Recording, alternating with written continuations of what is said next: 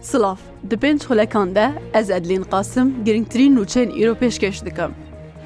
Careke din balafirgeha Herîr li Hewlêrê ku berê ji aliyê hevpeymaniya navdewletî ve dihata bikaranîn hatiye bombebaran kirin. Dişterora Kurdistan ragihand ku îro bi droneke bombekirî êrîş li ser balafirxaneya Herîr li Hewlêrê hate kirin. Dişterora Kurdistan dibêje êrîş demijmêr duh û bîst û pênc xulekê sibehê hatiye encamdan. Ragihandina şer a Iraqê jî dîmenê dronekî balav kiriye gotiye, êrîş li dijî bingeheke serbazî li Herîr hatiye kirin.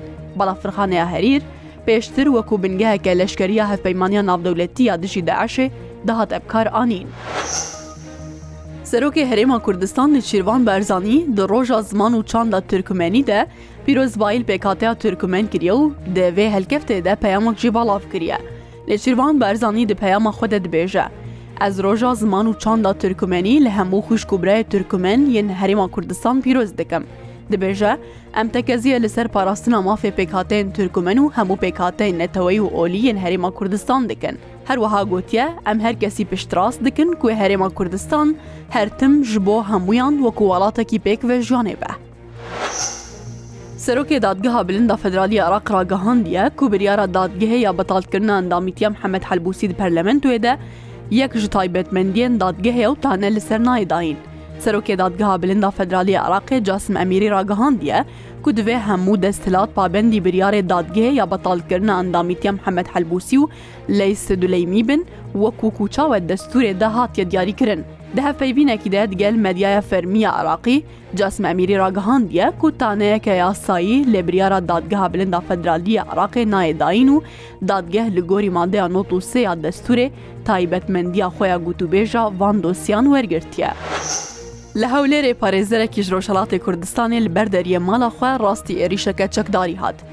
Sohrab Esedullah Rehîmî parêzerekî xelkê Bokanê Rojhelatê Kurdistanê ye, ev pazdeh sal in ku li Hewlêrê dimîne û Endamê Sendîkeya Parêzerên Kurdistanê ye.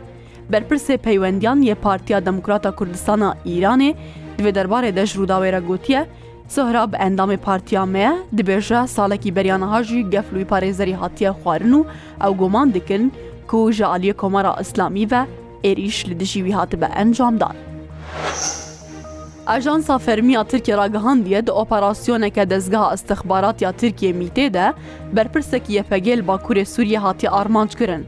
Li gor zanyariyên ku ji aliyê ajansa fermî ya Tirkiyê ve hatiye belavkirin, dezgeha îstixbaratê Mîtê li Bakurê Sûriyê operasyonek li dijî berpirsekî qadeya îdeolojîk ya PKK'ê encam daye û di encamê de wî berpirsî canê xwe ji dest daye.